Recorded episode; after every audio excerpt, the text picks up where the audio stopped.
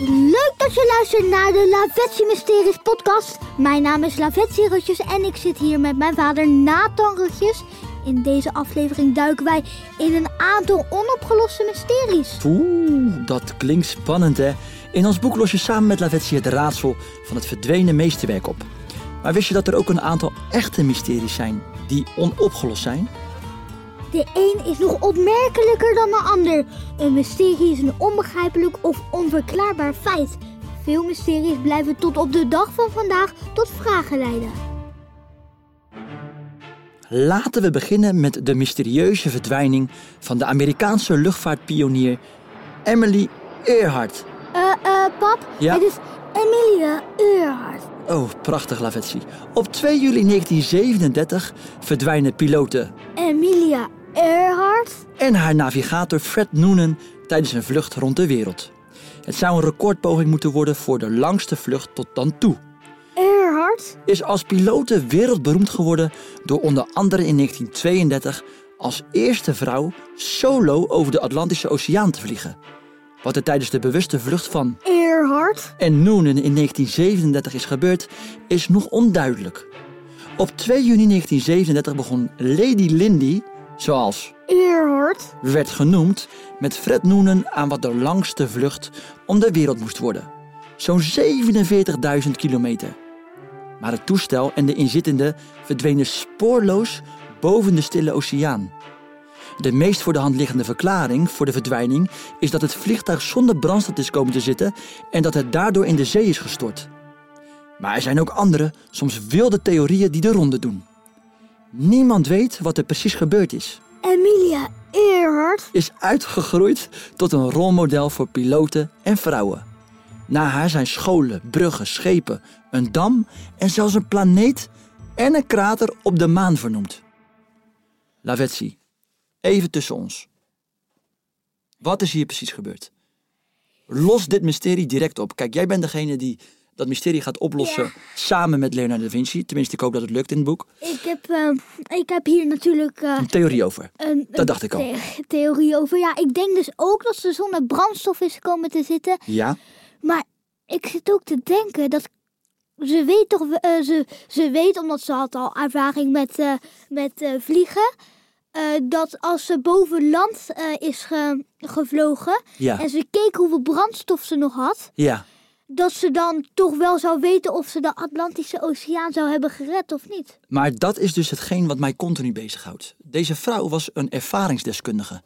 Die heeft superveel eh, kilometers in de lucht al gemaakt. Denk je nou echt dat zij niet op haar brandstofteller heeft gekeken of die brandstof eh, op is? Of dat ze dus, Want dat is natuurlijk dus- levensgevaarlijk. Er is daar iets gebeurd wat gewoon niet te traceren is. En ja, er zijn natuurlijk onderzoeken naar gedaan. Ja, Eh, misschien toch gewoon vergeten. zou die man er iets mee te maken hebben? Kunnen Ja, hebben? Die ik Fred denk- Noonan. Ik denk toch dat ze het vergeten is, maar die Fred Noonan, Ja, wat we, dat was, de, daar hoor je weinig De over, hè? Over Fred Noonan. was die navigator. Ja. Maar ze is een enorme inspiratie geweest, want anders zijn niet al die Maar, bruggen, ehm, schepen en scholen daarna vernoemd. Dat zeker, maar waarom zou dan... eh, eh, ze is natuurlijk... Ze, het is niet de eerste keer dat hij met eh, Fred Noonan met... eh, ze gaat niet opeens met een nieuwe navigator op reis, die ze nog helemaal niet kent. Maar er staat hier dat het is gebeurd boven de Atlantische Oceaan in 1937. Ja. 19 2 juni 1937. Jij denkt niet dat er bijvoorbeeld dat ze te laag heeft gevlogen en dat er een of andere gigantisch zeemonster. Zo'n octopus, zo'n... Ja, ja.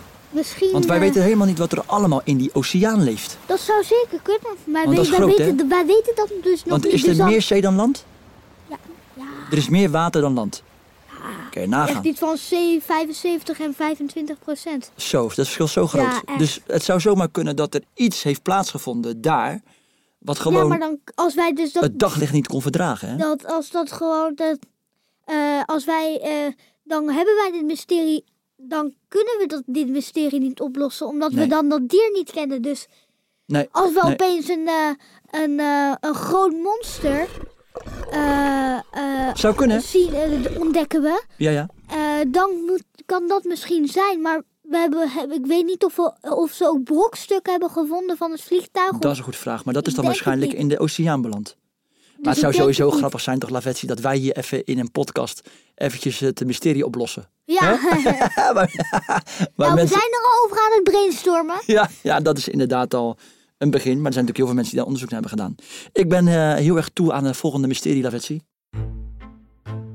Het volgende mysterie gaat over het monster van Loch Ness. Je hebt er misschien wel eens van gehoord. Het is een dier dat volgens een legende zou leven in Loch Ness. Een groot, diep meer in Schotland. Het dier wordt ook wel Nessie genoemd. Er bestaan veel vaag onduidelijke foto's van Nessie, maar zijn bestaan is nooit duidelijk aangetoond. De vroegste waarneming van het monster van Loch Ness stamt uit de middeleeuwen. Op 22 augustus 565 zou het monster gespot zijn door de christelijke priester Sint Columba. Mensen die het dier gezien zouden hebben, zeggen dat het tussen de 3 en 5 meter lang is.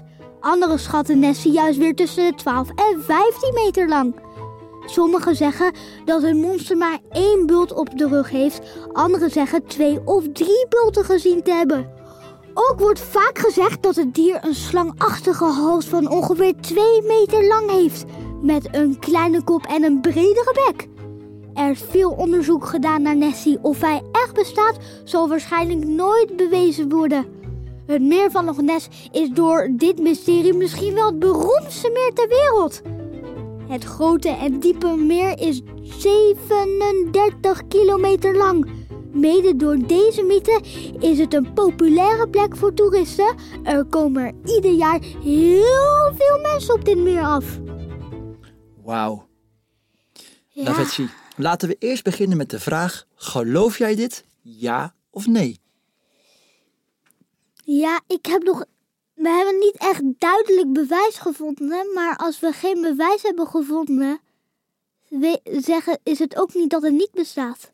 Oké, maar heb jij letterlijk ooit een keer foto's of video's gezien waarin... Ik heb één foto gezien die misschien wel waar zou kunnen zijn, maar ook geëdit zou kunnen zijn. Oké, en daar stond dus Nessie op.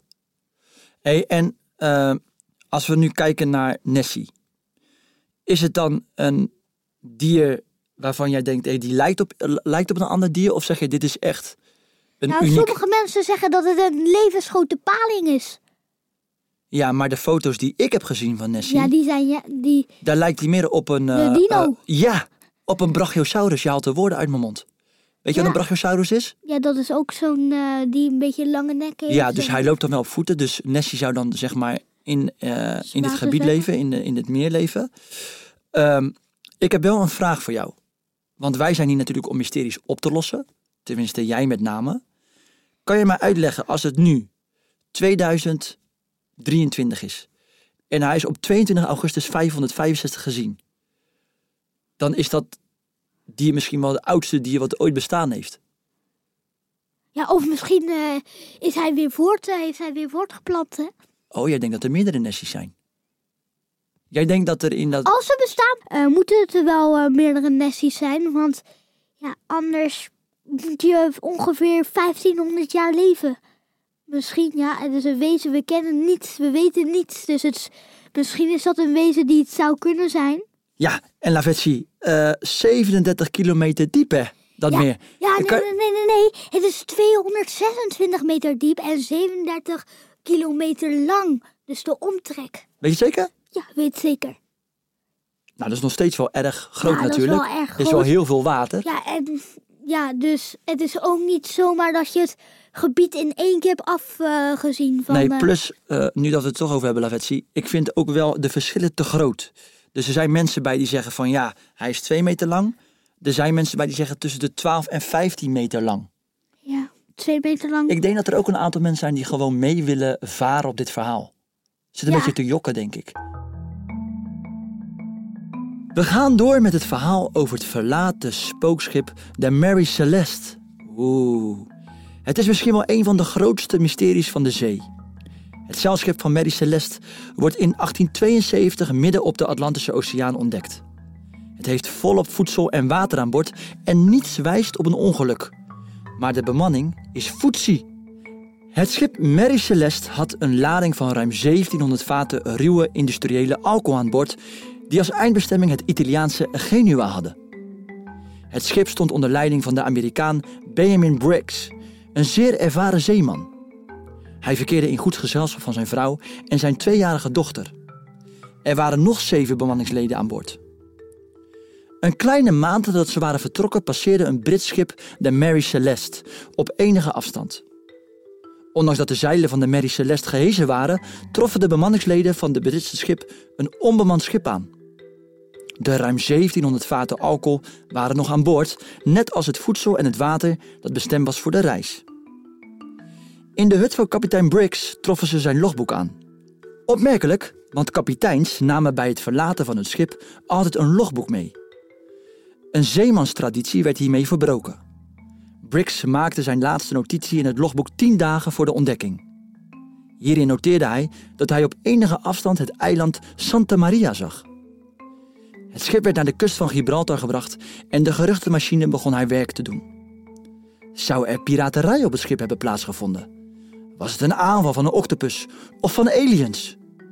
Voor geen van deze geruchten is er ooit bewijs gevonden. Zo, ja. ja dit Ik is zie het wel- aan je ogen. Je schrikt hiervan. Ja, dit Je bent hiervan wel, onder de indruk. Ja, dit is wel een beetje... Ik vind het wel een beetje... Wel heel gek, want we, we weten ook niet met dat andere schip... Is dat expres tegen aangebotst? Wat voor schip was dat? Is die ook teruggevonden of is die ook verongelukt? Ja, Ehm wat ik heel mooi vind, Lavetsi, is dat jij gelijk analytisch denkt. Dus jij bent gelijk aan het denken, zou kapitein Briggs hier iets mee te maken hebben? ja, dat zou ook nog kunnen. Dat hij bijvoorbeeld eh, iets bij had afgesproken met piraten of... eh, Je denkt dat het onderronsje was. Dat zou ook kunnen. Ik eh, nee, noem alleen maar eh, wat zou kunnen, dus... eh, Nou ja, de geruchten gaan natuurlijk ook dat dat misschien iets anders is geweest dan, zeg maar, menselijk leed. Dus ze denken misschien wel aan een reuze octopus ja. of aan aliens. Daar zijn Ja. mensen nog, nog niet over uit. Zou het denkbaar kunnen zijn dat aliens hier een rol van betekenis in gespeeld hebben? Ja, maar, eh, maar ik denk dat dat wel bij alle mysteries is dat ze denken dat het misschien wel door een alien is eh, gekomen of door een ehm, op water mega-octopus. eh. Ja, nou ja, en ik ben ook heel erg benieuwd wat de luisteraars hiervan denken. Want uiteindelijk staat er ook dat die 1700 vaten alcohol waren gewoon nog aan boord, hè? Onaangebroken, hè? ja, Geen schade, niks niet. Dus je zou denken het als was het. niet om de alcohol. alcohol. Nee, dus je zou denken als het gaat om plunderen, zeker misschien wel in die tijd, dan zouden ze ook die alcoholvaten mee hebben genomen. Misschien was het verborgen, maar ik vond het ook wel gek van dat eh, logboek. Dus het is een mysterie en het is ook een mysterie waarom kapitein Briggs dat logboek niet heeft meegenomen. Ja, Dubbel mysterie. een dubbel mysterie inderdaad. Ik denk dat wij er nog niet uit gaan komen. Nee. Eh, maar ik vind het wel een heel bijzonder verhaal. Het is gewoon een spooky verhaal, een spookverhaal. Ja, ja, Zou dat nog kunnen, spoken? Denk het niet. Nou, laten we doorgaan naar het volgende mysterie en die gaat over de Bermuda-driehoek, ook wel de Duivelsdriehoek genoemd. Het is een denkbeeldige driehoek tussen Miami, de Bermuda-eilanden en Puerto Rico in het westelijke deel van de Atlantische Oceaan. De driehoek staat bekend om zijn mysterieuze verdwijning van boten en vliegtuigen en dus ook mensen. Waarom deze locatie dit effect uitoefent, is nog steeds niet opgelost. Sommigen gaan uit van duistere krachten. Anderen zijn ervan overtuigd dat aliens erachter zitten. De wildste verhalen doen de ronde. En zelfs wetenschappers kijken naar mogelijke oorzaken van de vele verdwijningen. Een mogelijke verklaring is dat dit gebied een van de meest bewaren en bevlogen gebieden van de wereld is. En dat ongelukken dus waarschijnlijker zijn door de frequentie en de dichtheid van het verkeer. Dat er zoveel schepen verdwijnen in de Bermuda-driehoek zou mogelijk te wijten zijn aan kraters in de zeebodem. Ook wordt er gezegd dat het magnetisch veld rondom de aarde boven de Bermuda-driehoek zwakker is ten opzichte van de rest van de wereld. Ja, nou, ik ga je zeggen, Lavetsi, dit is iets wat mij al mijn hele leven bezighoudt. Bermuda-driehoek? Ja? Ja, want ik ken dit verhaal, ik ben hiermee opgegroeid. En met terugwerkende kracht komt hij altijd weer bovendrijven. Eén keer in het jaar ergens in een artikel of eh, op het journaal komt altijd weer dat moment van die Bermuda-driehoek. Wat is hier gaande? U zegt één keer per jaar. Nee, dus Meerdere ik krijg het altijd weer te horen. Dus vanaf eh, gevoelsmatig van, vanaf dat ik zeg maar mijn pampers heb afgedaan en, en, en ik kan Begrijpen? schrijf- begrijpen inderdaad, komt dit verhaal weer naar boven. Ja, mm, misschien is door dat magnetisch veld. Ja, Kan jij mij uitleggen wat daarmee bedoeld wordt? Wat is een magnetisch veld? Want dat weet ik dus niet. dat vind ik dus heel moeilijk om uit te leggen. Probeer het. Volgens mij is een magnetisch veld ehm, een soort van een beetje de zwaartekracht. Volgens mij is een magnetisch veld eh, de sterkte van de zwaartekracht. Hoe groter het magnetisch veld is, hoe groter ook de zwaartekracht. En dus misschien is het door de zwaartekracht, is het gewoon... Misschien is het wel de lucht ingegaan. Maar is dat een Want soort van is- tornado-werking?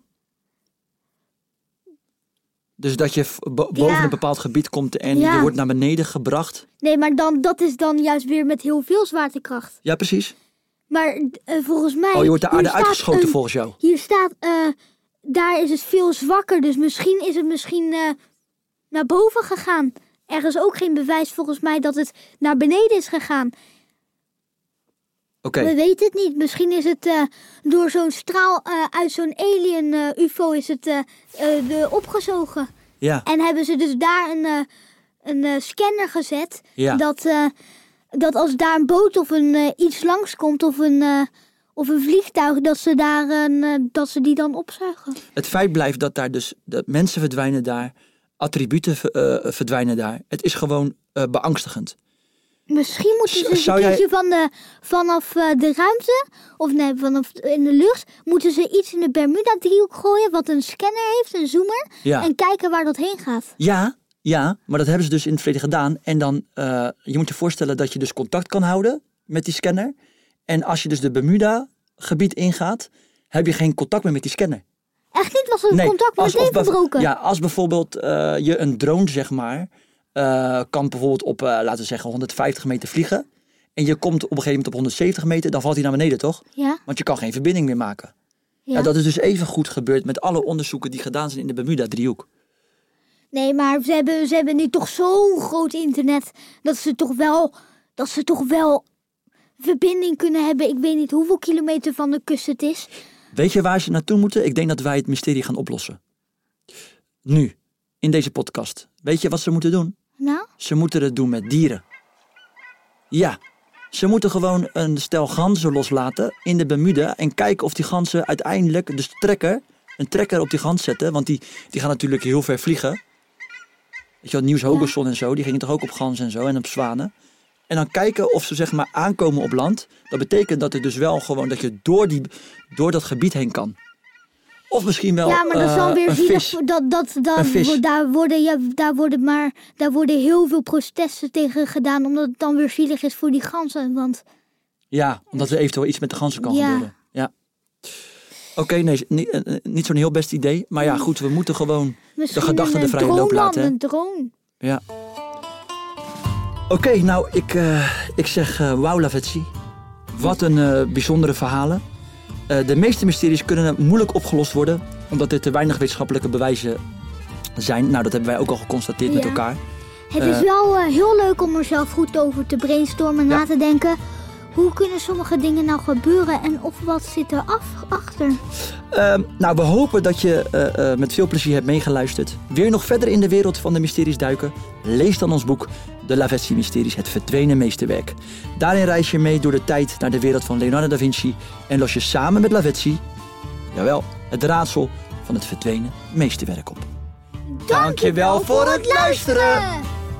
Dit was een podcast van Cosmos Uitgevers en VBK Audiolab. Geproduceerd door Tinium Audioboekproducties en muziek van BMG Production Music.